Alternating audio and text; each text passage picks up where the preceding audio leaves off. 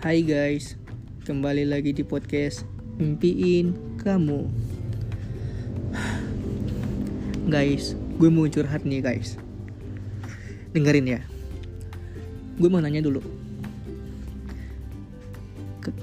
Menurut kalian hmm, Menanti seseorang tuh salah gak sih?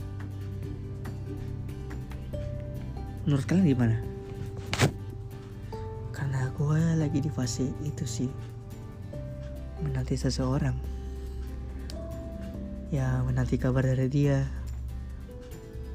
Udah di chat tapi gak dibales. Aduh. Agak miris ya.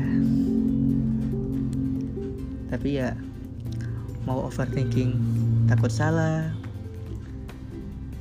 Mau spam ya takut salah. Ya serba salah lah kalau kata teman gua gitu. Ya terus gimana dong gitu? Ya masih ya apa harus menanti terus gitu? Salah kalau gua menanti terus gitu. Gue pengen mena gue pengen menunggu gitu kapan. Ya gitulah. Pusing gua anjir sumpah gitu